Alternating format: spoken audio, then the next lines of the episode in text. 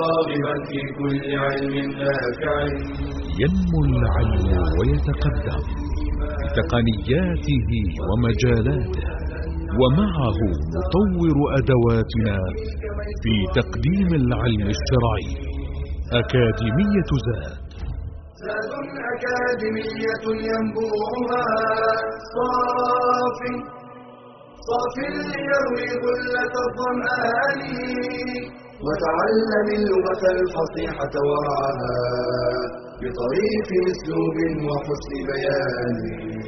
بشرى لنا ذات أكاديمية للعلم كالأزهار في البستان. بسم الله الرحمن الرحيم.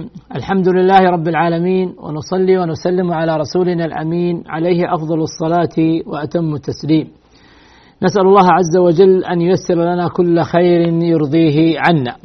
آه، معكم أيها الإخوة والأخوات في لقائنا هذا وفي درسنا هذا آه، عما يتعلق آه، في الفعل وأنواعه وكيفية الإعراب.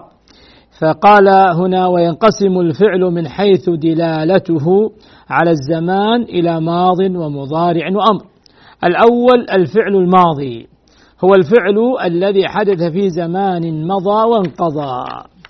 مثل آه، آه، كتب ولعب وسافر قال وهو دائما آه، وهو يكون دائما مبنيا هذا الفعل قال وأصل بنائه الفتح إلا في حالتين. الفعل الماضي الأصل فيه أنه آه، مبني على الفتح. ذهب قرأ دخل خرج دائما يكون الفعل الماضي مبنيا على الفتح. إلا في حالتين. هاتان الحالتان. إذا اتصل بالفعل الماضي آه، ضمير رفع متحرك. فإنه يبنى على السكون يخرج عن بنائه على الفتح إلى البناء على السكون. والحالة الثانية إذا اتصل بالفعل الماضي واو الجماعة فإنه يبنى على الضم فإنه يبنى على الضم. فننتبه لهذا الإعراب لأنه آه، سيسير معنا هذا الإعراب آه، دائما آه، في الجمل الفعلية. عندما يرد علينا هذا الفعل لا يخلو الفعل إما أن يكون ماضيا أو مضارعا أو أمرا. فإذا عرفنا ضوابط الإعراب في الأفعال فإنه يسهل علينا بعد ذلك الإعراب. وكما قلت لكم مرارا وتكرارا الإعراب هذا قائم على ضوابط وقواعد. متى ما عرفتها سهل عليك الإعراب. وتيسر بإذن الله. فعندنا الفعل الماضي. دائما يبنى على الفتح. دائما. قرأ محمد الدرس. لما تأتي وتريد أن تعرف تقول قرأ فعل آه، ماض مبني على الفتح. شوف قرأ آخر الفعل فتح. محمد فاعل والدرس آه، مفعول به. إذا الفعل الماضي آه، دائما الأصل فيه أنه يبنى على الفتح. يخرج عن هذا الأصل في موضعين. هذان الموضعان بعض النحاة بعض النحاة يرى أن الفتح لا يزال مستمرا. لكنه هنا آه، ليس ظاهرا وإنما آه، يكون مقدرا. والإعراب الآخر الذي إحنا نسير عليه وهو الأسهل والأيسر وعليه جمع من النحاة أنه يخرج عن الفتح هنا إلى السكون أو إلى الضم الموضع الأول الذي يخرج فيه عن بنائه على الفتح إذا اتصل به ضمير رفع متحرك. لاحظ القيود ثلاثة. ضمير رفع متحرك. لابد.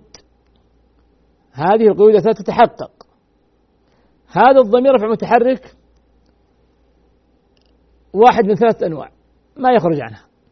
إما تاء الفاعل أو ناء الفاعلين أو نون النسوة. هذه كلها ثلاثة يطلق عليها ضمير رافع متحرك. تاء الفاعل ناء الفاعلين نون النسوة. تقول قرأت الدرس. لاحظ قرأت آه، قرأ. فعل ماض مبني على السكون. مو قرأت؟ ما تأتي. قرأت سكون على آخر الفعل. سبب السكون هنا اتصاله بضمير رفع متحرك. ما هو ضمير رفع متحرك هنا؟ تاء الفاعل. تقول قرأت قرأ فعل ماض مبني على السكون لاتصاله بضمير رفع متحرك. أو مباشر قل اتصاله بتاء الفاعل. وتاء الفاعل ضمير متصل مبني على الضم في محل رفع فاعل كما مر علينا. الأجزاء الثلاثة. ضمير متصل مبني على السكون في محل رفع فاعل. طيب قرأنا الدرس. كذلك. شوف قرأنا الدرس. قرأ فعل ماض مبني على السكون لاتصاله بضمير رفع متحرك. نا لاحظ النون عليها فتحة. صحيح أن الألف عليها سكون لكن آه، باعتبار النون متحركة. فهنا نقول ضمير رفع متحرك. أو قل مباشرة لاتصاله بناء الفاعل. إذا قرأت أو قرأنا فعل مضارع مبني على السكون. كذلك آه، أنتن أو عفوا آه، أن نقول آه، قرأنا الطالبات قرأنا الدرس. الطالبات قرأنا الدرس. لاحظ هنا قرأ فعل ماض. لاتصاله بنون النسوة وهو ضمير رفع متحرك كذلك بني على السكون. نقول قرأ فعل ماضي فعل ماض مبني على السكون لاتصاله بنون النسوة. إذا الموضع الأول الذي يخرج فيه الفعل الماضي عن البناء على الفتح هو اتصاله بضمير رفع متحرك فإنه والحالة كذلك يبنى على السكون. ما هو ضمير الرفع المتحرك؟ لا يخلو من واحد من ضمائر ثلاثة. إما أن يكون آه، تاء الفاعل أو ناء الفاعلين أو نون النسوة. لاحظ القيود الثلاثة ضمير رفع متحرك. ندقق مع هذه القيود الثلاثة أول القيود ضمير. يعني لو لم يكن ضميرا فإنه يخرج من الموضوع. يعني اسم ظاهر. قرأ محمد. هنا الفعل يبقى مبني على الفتح. طيب. رفع. ضمير رفع. يعني لو جاء ضمير لكن ليس ضمير ليس ضمير رفع فإن الفعل يبقى على ما هو عليه مبني على الفتح. تقول محمد أكرمك.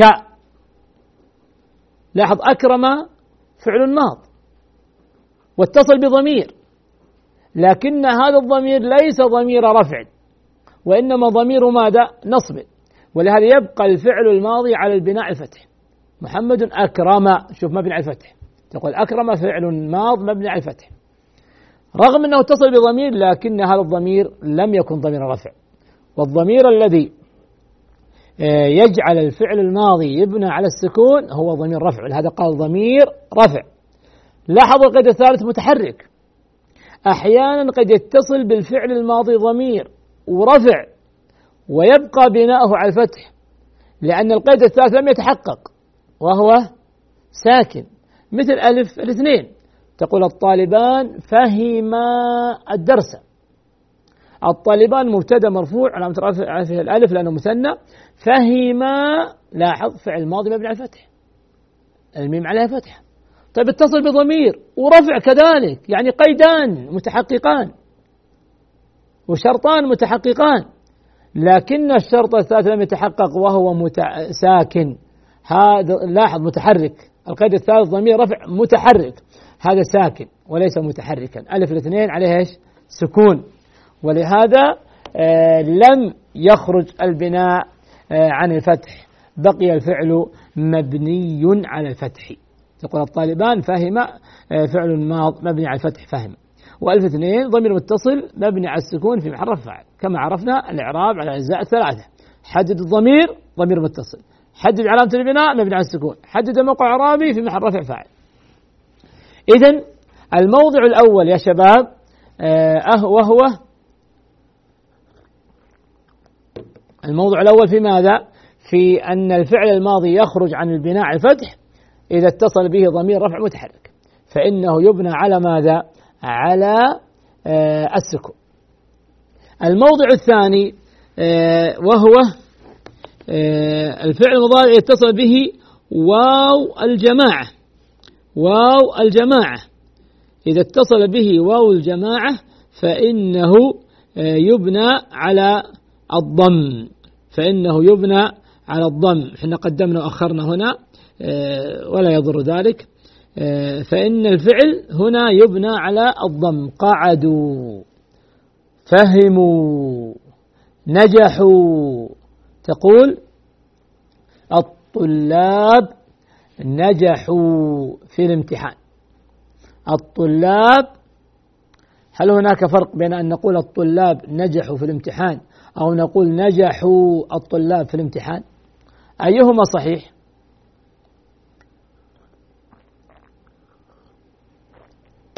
الصحيح أن نقول الطلاب نجحوا في الامتحان.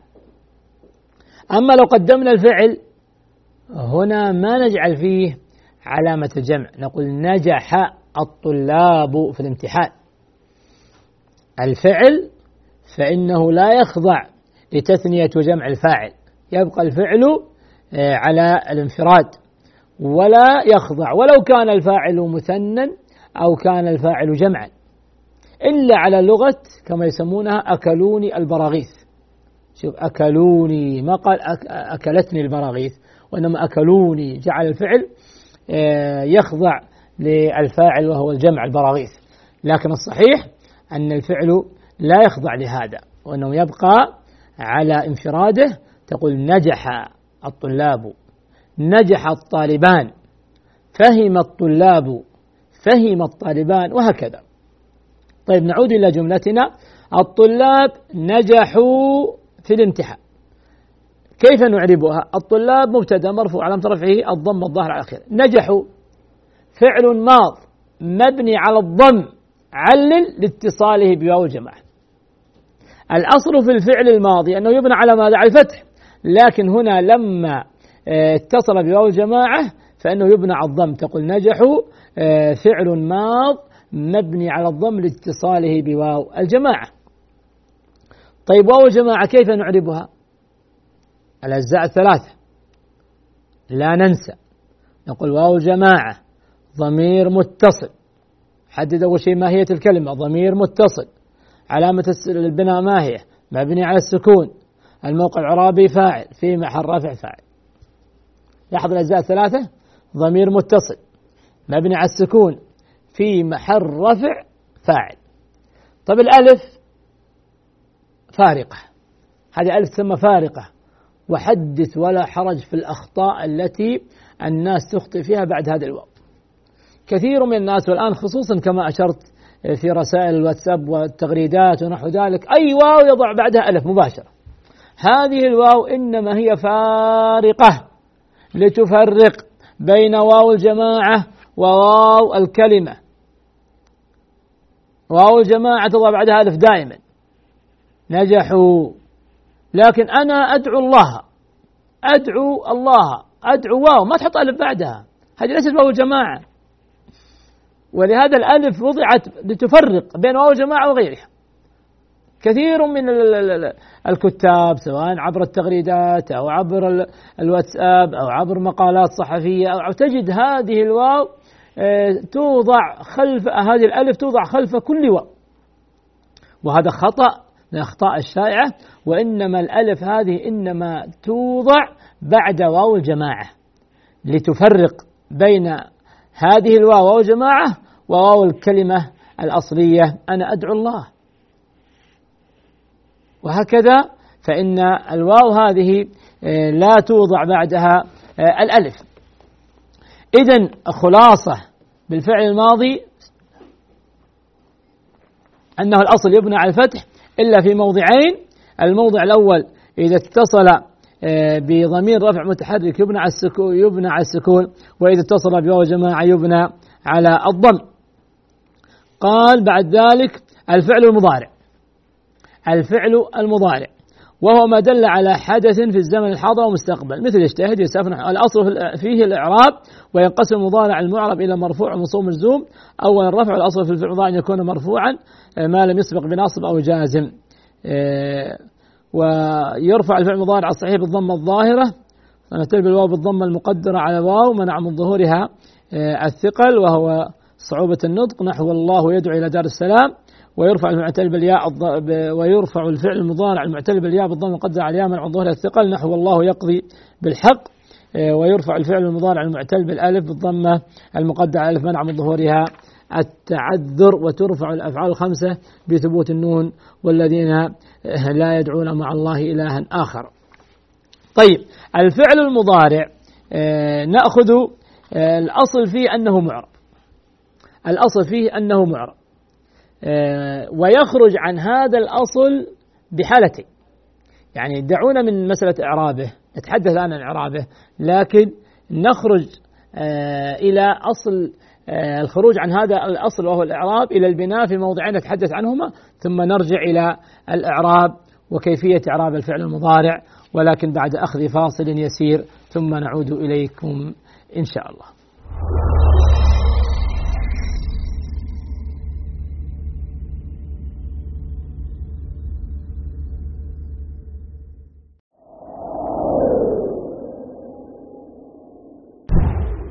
ما يريد الله ليجعل عليكم من حرج ولكن يريد ليطهركم ولكن يريد ليطهركم وليتم نعمته عليكم لعلكم تشكرون. من رحمة الله تعالى بعباده الرخص لهم في المسح على الخفين والجوارب في الوضوء بدلا من غسل الرجلين. وذلك بالمسح مرة واحدة أعلى الخف الأيمن باليد اليمنى وأعلى الخف الأيسر باليسرى. مفرجا أصابعه مبتدئا من أصابع رجليه إلى بداية ساقيه. يمسح على الخفين معا أو يبتدئ بالخف الأيمن ثم الأيسر. فالأمر في ذلك واسع بشرط أن يكون الخف طاهرا من النجاسة وأن يكون ساترا للقدم مع الكعبين. وأن يلبسهما على وضوء كامل. ومدته يوم وليلة للمقيم وثلاثة أيام بلياليها للمسافر. يبدأ احتسابها من أول مسح بعد انتقاض الوضوء. فلو توضأ لصلاة الفجر مثلا ولبس الخفين ثم انتقض وضوءه الساعة التاسعة صباحا وتوضأ في الساعة الثانية عشرة ومسح على الخفين. فيبدأ احتساب المدة من الساعة الثانية عشرة لا من الساعة التاسعة ويكون المسح في الحدث الأصغر وأما الحدث الأكبر فيجب فيه الاغتسال الكامل ومن خلع خفيه أو انتهت مدة المسح فوضوءه صحيح ما لم ينتقض بناقض آخر. فإن أراد المسح مرة أخرى وجب عليه أن يتوضأ أولا وضوءا كاملا يغسل فيه قدميه ثم يلبس الخف ويراعي الشروط السابقة. كيف عاملهم صلى الله عليه وسلم؟ كيف عامل زوجاته؟ أقاربه؟ جيرانه؟ المسلمين الجدد؟ الفقراء؟ كبار السن؟ إذا أردت أن تعرف كيف عامل هؤلاء صلى الله عليه وسلم ستجد هذا وأكثر في مجلد واحد. عرض جديد للسيرة من جوانب التعاملات النبوية الشريفة.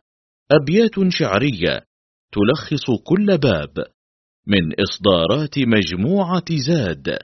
كتاب كيف عاملهم صلى الله عليه وسلم للشيخ محمد صالح المنجد.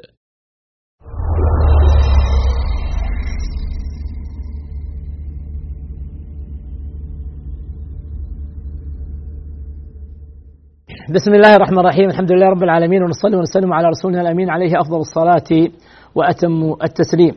إيه، كان الحديث قبل الفاصل عن الفعل المضارع والفعل المضارع هو الفعل المعرب من بين الأفعال. الأفعال كلها مبنية إيه، سواء كان الفعل الماضي أو كان إيه، الفعل الأمر.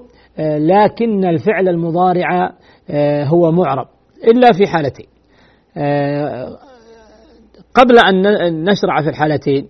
إيه، نمشي على ترتيب المذكرة. أن الفعل المضارع آه، معرب يكون مرفوع بالضمة المقدرة على آخره إذا كان آه، صحيح الآخر. يذهب يقرأ آه، يفهم. نقول محمد يفهم الدرس. محمد مبتدأ يفهم فعل مضارع مرفوع على رفع الضمة الظاهرة على آخره.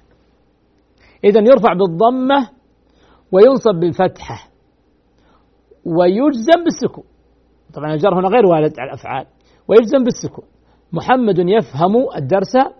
آه، محمد لن يفهم. إلا إذا حضر لن يفهم. لاحظ فعل مضارع منصوب بلن وعلى نصب بفتحة. آه، افهم أو عفوا آه، محمد لم يفهم الدرس إلا بعد المراجعة. إذا لم يفهم لاحظ فعل مضارع مجزوم بلم وعلامة جزمه السكون. إذا كان الفعل المضارع صحيح الآخر فإنه يرفع بالضمة وينصب بالفتحة ويجزم بالسكون. طيب إذا كان الفعل المضارع آه، معتل الآخر معتل الآخر فإنه يرفع آه، بالضمة وينصب آه، عندنا طبعا المعتل ينقسم إلى ثلاثة أقسام معتل بالألف معتل بالواو معتل بالياء. معتل بالألف يسعى يخشى. معتل بالواو يدعو يقفو. معتل بالياء يقضي يرمي. فهنا عندنا ثلاث أنواع للفعل المعتل. المعتل بالألف يكون الرفع فيه والنصب مقدرا. تقول محمد يخشى الله. محمد لن يخشى غير الله. إذا لاحظ في الرفع وفي النصب الفعل مقدر. محمد يخشى نقول فعل مضارع مرفوع وعلامة رفعه الضمة المقدرة على آخره. منع من ظهورها ماذا؟ التعثر دائما مع الألف التعثر سواء في الأسماء أو في الأفعال. في الأسماء مرت علينا مصطفى وعيسى الأسماء المقصورة. المانع من ظهور حركة تعذر كذلك الأفعال المعتلة بالألف مثل الأسماء. يعني الألف واحد هنا وهنا.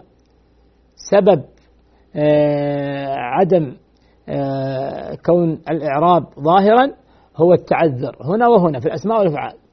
فإذا كان الفعل المضارع معتلا بالألف فإن الإعراب مقدر في الرفع وفي النصب.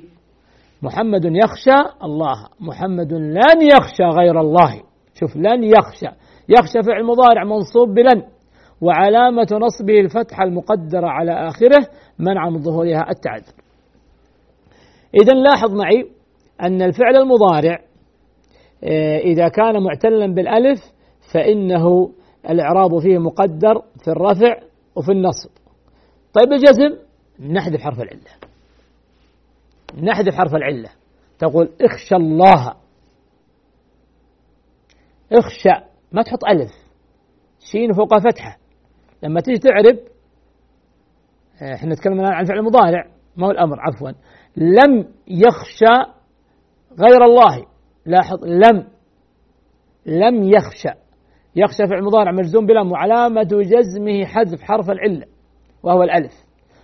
والفتحة دليل عليها.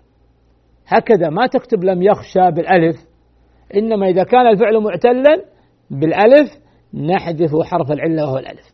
إذا المعتل بالألف بالنسبة للفعل المضارع رفعا ونصبا تقدر الحركة وجزما نحذف الحرف. طيب. المعتل بالواو أو الياء البحث فيهما واحد. يقدر الإعراب فيه في حالة الرفع. وأما في حالة النصب فتظهر العلامة. في حالة الرفع نقول محمد يدعو ربه. محمد آه، يرمي آه، الصيد. محمد يدعو يدعو فعل مضارع مرفوع علامة رفعه الضمة المقدرة على آخره منع من ظهورها الثقل. الواو والياء الثقل دائما. لاحظ الياء هنا والياء في الاسم المر علينا المنقوص. المانع من ظهور حركة هناك في القاضي والداعي والساعي آه الثقل. وهنا كذلك الثقل الياء مع الواو. لكن الأسماء ما كان فيها واو كما مر علينا. هنا الأفعال سواء كانت معتلة بالياء أو الواو الرفع فيها دائما مقدر. محمد يرمي الصيد يرمي نقول فعل مضارع مرفوع على رفع الضمة المقدرة على آخرها منع من ظهورها الثقة. إذا الفعل المضارع لاحظوا معي المعتل بالواو أو الياء الرفع فيه مقدر. أما النصب فالإعراب فيه ظاهر. محمد لن يدعو غير الله. محمد لن يقضي في الباطل. شوف لن يقضي لن يدعو. هنا هنا الحركة تظهر. في حالة النصب نقول لن أداة نصب يقضي فعل مضارع منصوب بلن وعلامة نصبه فتح الظاهر على آخره ولن يرمي كذلك. فعل مضارع منصوب عن تصبه ماذا؟ آه، آه، منصوب بلن وعن تصبه فتح الظاهر على آخره أما الجزم الواو والياء كذلك. يعني مثل مثل المخت... الفعل المعتل بالألف كذلك. فإن حرف العلة يحذف. فالفعل المضارع المعتل بالألف أو الواو أو الياء في حالة الجزم احذف حرف العلة. تقول لن آه عفوا لم يدعو المسلم غير الله. لم يدعو. يدعو في المضارع مجزوم بلم وعلامة جزمه حذف حرف العلة. والضمة دليل عليها. لم يدعو. فوق العين ضمة. لم يقضي القاضي إلا بالحق. لم يقضي. ضاد تحتها إيش؟ كسرة. يقضي فعل مضارع مجزوم بلم وعلامة جزمه ماذا؟ الحذف حرف العلة وهو الياء والكسر دليل عليها. إذا الخلاصة يا شباب أن الفعل المضارع معرب. معرب. إن كان صحيح الآخر فالإعراب ظاهر. يرفع بالضمة وينصب بفتحة ويجزم بالسكون. وإن كان معتل الآخر فتحذف حرف العلة في حالة الجزم سواء بالألف أو الواو والياء. وفي حالة الرفع تقدر حركات سواء في الألف والواو والياء. أما في حالة النصب فتقدر مع الألف وتظهر الحركة مع الياء والواو. هذا إذا كان الفعل المضارع آه، صحيح آه، الآخر ومعتل الآخر. إذا اتصل بالفعل المضارع ألف الاثنين أو واو الجماعة أو ياء المخاطبة هذا انتقل إلى بحث آخر اسمه الأفعال الخمسة. اسمه الأفعال الخمسة. إذا كان الفعل المضارع اتصل به ألف الاثنين أدخلنا عليها ألف الاثنين يقرأ يذهب يفهم أدخل ألف الاثنين يفهمان. أدخل واو الجماعة يفهمون. أدخل يا المخاطبة تفهمين. هذا يطلق عليه بحث اسمه الأفعال الخمسة. الأفعال الخمسة كل فعل اتصل به ألف الاثنين أو واو الجماعة أو ياء المخاطبة. هذا ضابط محدود. هناك ضابط معدود كل فعل على وزن يفعلان أو تفعلان أو يفعلون أو تفعلون أو تفعلي. يعني لاحظ يفهمان تفهمان. هذا على وزن يفعلان وتفعلان. يفهمون وتفهمون. على وزن يفعلون وتفعلون. تفهمين على وزن تفعلين. هذه اسمها هذه اسمها الأفعال الخمسة. ترفع بماذا؟ بثبوت النون. الطلاب يفهمون الدرس. الطلاب مبتدأ مرفوع الضمة الظاهرة يفهمون فعل مضارع مرفوع علامة رفع ثبوت النون لأنه من الأفعال الخمسة والواو انتبه. ضمير متصل مبني على السكون في محل رفع فاعل. والدرس مفعول به والجملة في محل رفع خبر المبتدأ. إذا الفعل المضارع إذا اتصل به ألف الاثنين أو أو جماعة مخاطبة يكون أفعال خمسة يرفع بثبوت النون. وينصب ويجزم بحذف هذه النون. الطلاب لم يغادروا الدرس. الطلاب لن يغادروا الدرس. لاحظ لم يغادروا ولن يغادروا. أين النون حذفت؟ لأن الفعل المضارع الذي هو من الأفعال الخمسة ينصب ويجزم بحذف هذه النون. شوف فإن لم تفعلوا ولن تفعلوا جزم ونصب حذفت النون. عندما تأتي تعرف تقول لم تفعلوا فعل مضارع مجزوم بلم وعلامة جزمه حذف النون. والواو نفس الإعراب السابق ضمير متصل مبني على السكون في محل رفع فاعل. كذلك في النصب فعل مضارع منصوب آه، بلن وعلامة نصبه حذف النون. والواو ضمير متصل على السكون في محل رفع فاعل. إذا هذا ما يتعلق بإعراب الفعل المضارع. الفعل المضارع الأصل فيه أنه معرب يختلف عن بقية الأفعال. الأفعال كلها مبنية الأخرى. الماضي والأمر. لكن الفعل المضارع الأصل فيه أنه معرب. إلا في موضعين. إلا في موضعين. ذكر هذين الموضعين آه، عندك في صفحة ماذا؟ 22 في آخر الصفحة ويبنى الفعل المضارع في حالتين. هذان الموضعان أو هاتان الحالتان. الحالة الأولى إذا اتصل بالفعل المضارع نون النسوة. والموضع الثاني إذا اتصل بالفعل المضارع نون التوكيد. لكن قيدت بالمباشرة.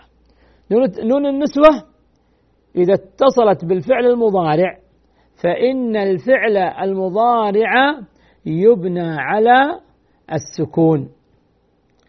ونون التوكيد إذا اتصل بالفعل المضارع فإن الفعل المضارع يبنى على الفتح آه، إن شاء الله آه، نوضح ذلك بالأمثلة بعد الفاصل اليسير بإذن الله.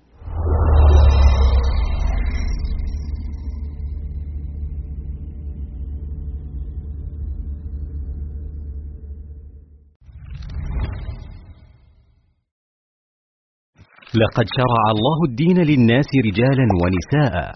ووعد الجميع الجنة والحياة الطيبة إذا قام بواجبه. فقال تعالى من عمل صالحا من ذكر أو أنثى وهو مؤمن فلنحيينه حياة طيبة ولنجزينهم أجرهم بأحسن ما كانوا يعملون. وقد جاء الإسلام فأكرم المرأة وحملها مع الرجل مسؤولية النهوض بالمجتمع وحسن الرعاية له. فقال عليه الصلاة والسلام كلكم راع وكلكم مسؤول عن رعيته.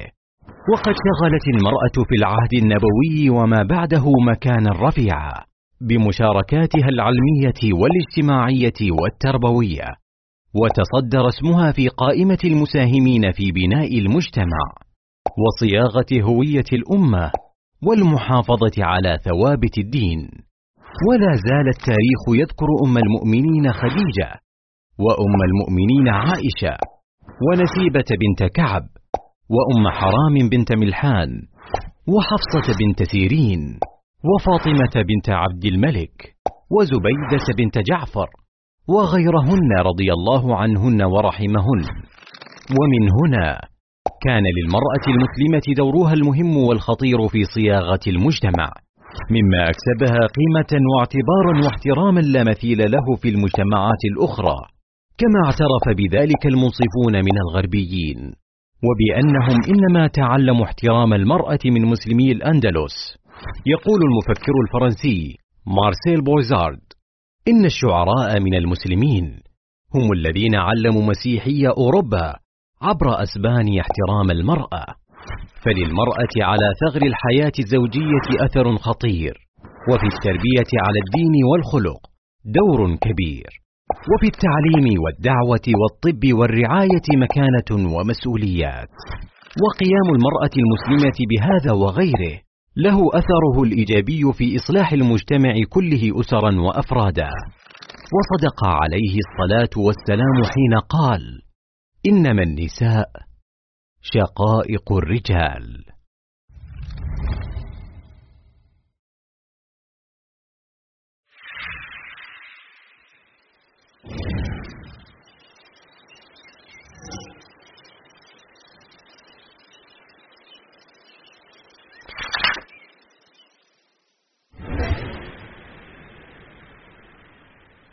ابن عساكر.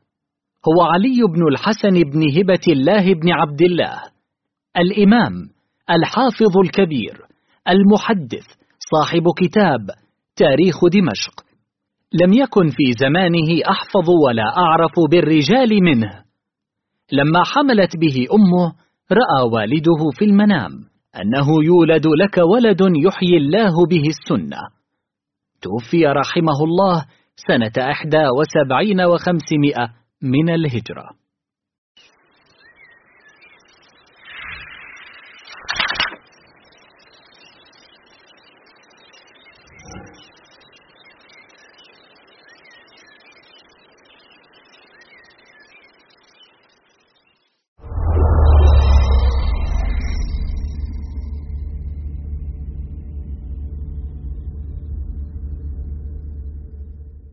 بسم الله الرحمن الرحيم. الحمد لله رب العالمين ونصلي ونسلم على رسولنا الأمين عليه أفضل الصلاة وأتم التسليم.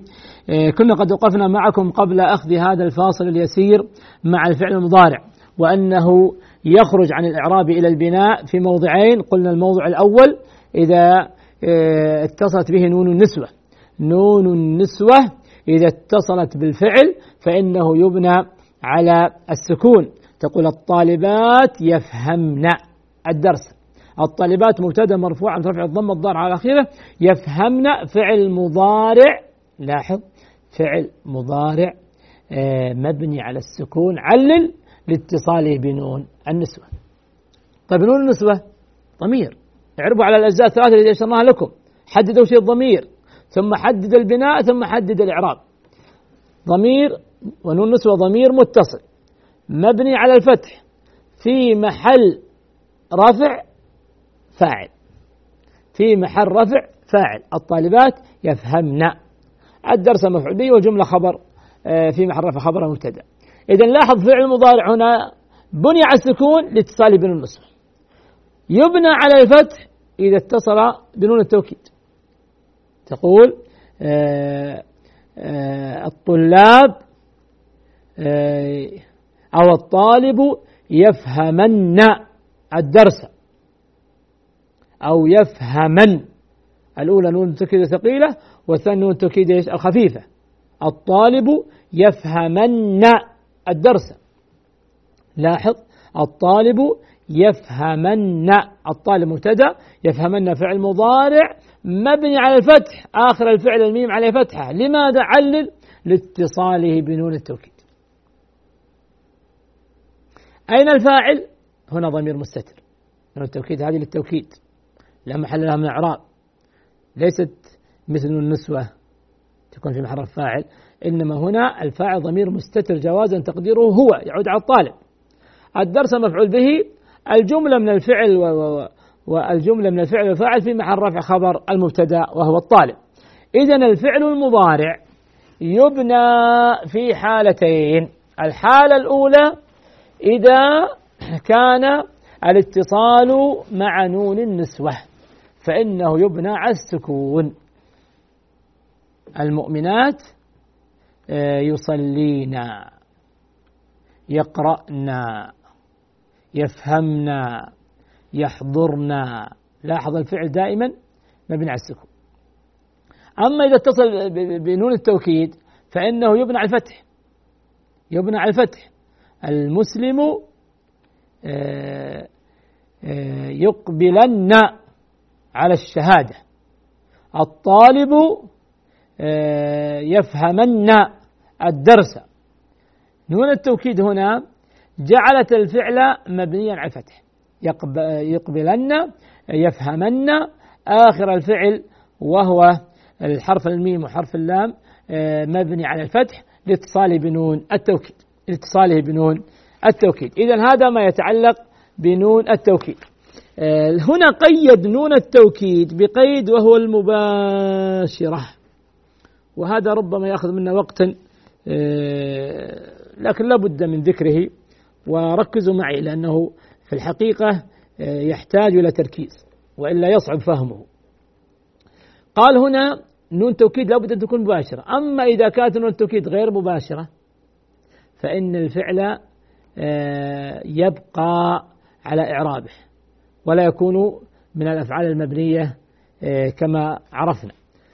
مثلا يفهم الآن لو اتصلت منه التوكيد فإننا نقول يفهمن مباشرة. هنا تجد نون التوكيد مباشرة اتصلت به. طيب لو كان الفعل يفهمان أو يفهمون أو تفهمين. لاحظ هنا لو أتيت مثلا يفهمون وأتيت نون التوكيد يفهمون نون التوكيد هل اتصلت بالفعل الميم يفهم؟ لا. اتصال غير مباشر. نعم اتصال لكن غير مباشر. في فاصل بين نون التوكيد وبين نهاية الفعل. ولهذا هذا اسمه اتصال غير مباشر. هنا ما يؤثر. ماذا يحصل بالفعل يفهمون؟ لما جاءت نون التوكيد لاحظوا معي. يفهمون هذه نون الفعل. فعل مضارع مرفوع وثبت المفعول خمسة. طيب نون التوكيد كم نون؟ نونان. نون التوكيد نونان. فاتصلت هاتان النونان بنون الفعل أصبح عندي كم نون الآن؟ ثلاثة. وفي اللغة العربية آه هذا معيب. هذا اسمه معيب. يعني توالي الأمثال. ثلاث نونات ورا بعض هذا معيب في اللغة. لابد أن تحذف واحدة. حذفت نون الفعل الأصلية. يفهمون؟ حذفنا النون.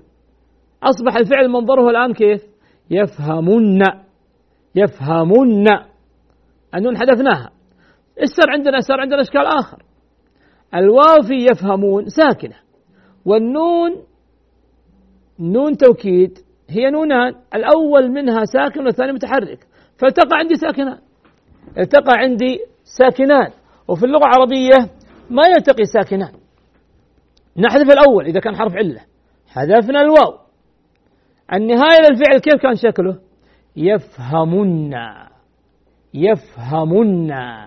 يصبح الفعل الطلاب يفهمن الدرس. لما نأتي ونعرف نقول الطلاب مبتدأ مرفوع علامة الضم الظاهر على آخره. يفهمن فعل مضارع مرفوع. وعلامة رفعه النون. أين النون؟ المحذوفة لتوالي الأمثال. طيب أين الفاعل؟ والفاعل الواو المحذوفة لالتقاء الساكنين. أصبحت الصورة النهائية الطلاب يفهمون الدرس لتبلون في أموالكم وأنفسكم ولتسمعن من الذين أوتوا كتاب الذين أشركوا أذى كثيرا شوف لاحظ تبلون تسمعن. كل هذه على نفس القاعدة. إذا مع واو الجماعة ومع ياء المخاطبة نفس الشيء. نحذف النون لتوالي الأمثال ثم نحذف الياء لالتقاء إيش؟ الساكنين. أما مع ألف الاثنين مع أن نون التوكيد غير مباشرة ما حذفنا الألف والألف ساكنة والنون ساكنة لكن لأن هناك إشكال لو حذفنا الألف. يعني مثلا يفهمان جيء بنون التوكيد جيء بنون التوكيد يفهمان الناء احذف نون الفعل يفهماني. احذف الألف التقاء الساكنين ما تستطيع. لو حذفتها تصير يفهمن. طيب هذا يسبب إشكال. هل المقصود واحد أو اثنين؟ نفس الصورة. الطالب يفهمن الدرس الطالبان يفهمن كذلك في إشكال. ولهذا مع ألف الاثنين آه، ما نحذف الألف. رغم وجود التقاء الساكنين لكن لللبس الحاصل. لهذا الله قال لتتبعاني شوف الألف هنا ما حذفت. لأن عند حذفها يسبب هذا إشكالا مع الواحد. لتتبعن هذا واحد. ولو حذفنا الألف لتتبعن نفس الشيء.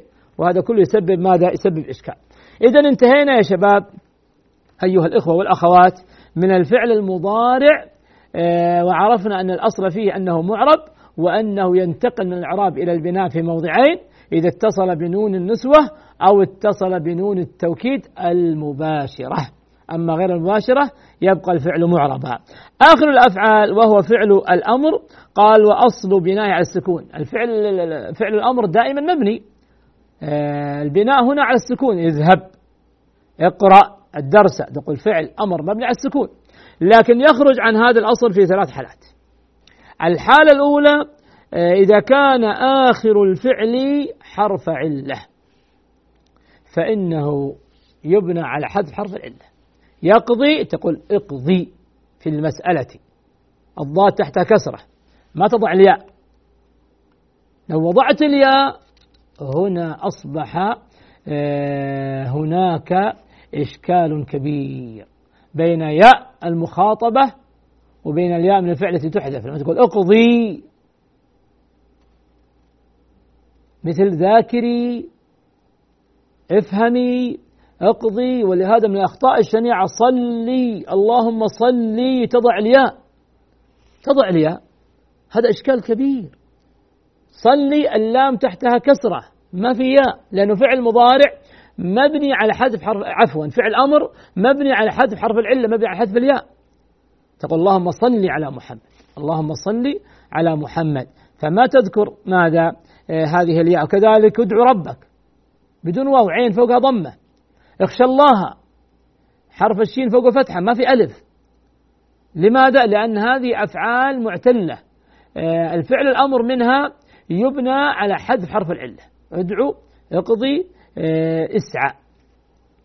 آه الحالة الثانية للفعل الأمر الذي يخرج عن البناء على السكون إذا كان من الأفعال الخمسة يعني اتصلت به ألف اثنين أو جماعة أو مخاطبة فإنه يبنى على حذف النون. يبنى على حذف النون. تقول افهما. ما افهماني نقول فعل أمر مبني على حذف النون. والألف ضمير متصل مبني على السكون في محل فاعل. الأجزاء الثلاثة التي تحدثنا عنها. افهموا. كذلك فعل أمر مبني على حذف النون. افهمي الدرس. فعل أمر مبني على حذف النون. والياء هنا والواو والألف إعرابها واحد. فعل ضمير متصل مبني على السكون في محل رفع فاعل. اذا إذا كان فعل الأمر اتصل به واحد من هذه الضمائر الثلاثة ألف الاثنين أو من المخاطبة فإنه يبنى على حذف النون. الحالة الثالثة يبنى على الفتح إذا اتصل بنون التوكيد. افهمن الدرس. اقرأن الدرس. فهنا يبنى على التوكيد سواء كانت نون توكيد ثقيلة أو خفيفة افهمن أو افهمن. فعل أمر مبني على الفتح لاتصاله بنون التوكيد. إذا الخلاصة عندنا يا شباب أن فعل نبدأ بالفعل الماضي.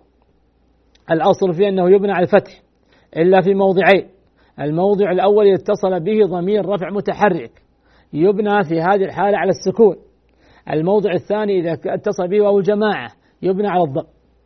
الفعل المضارع الأصل فيه أنه معرب. يعرب ما لم يسبق بناصب وجازم يكون مرفوع فإذا سبق بناصب ينصب وإذا سبق بجازم يجزم.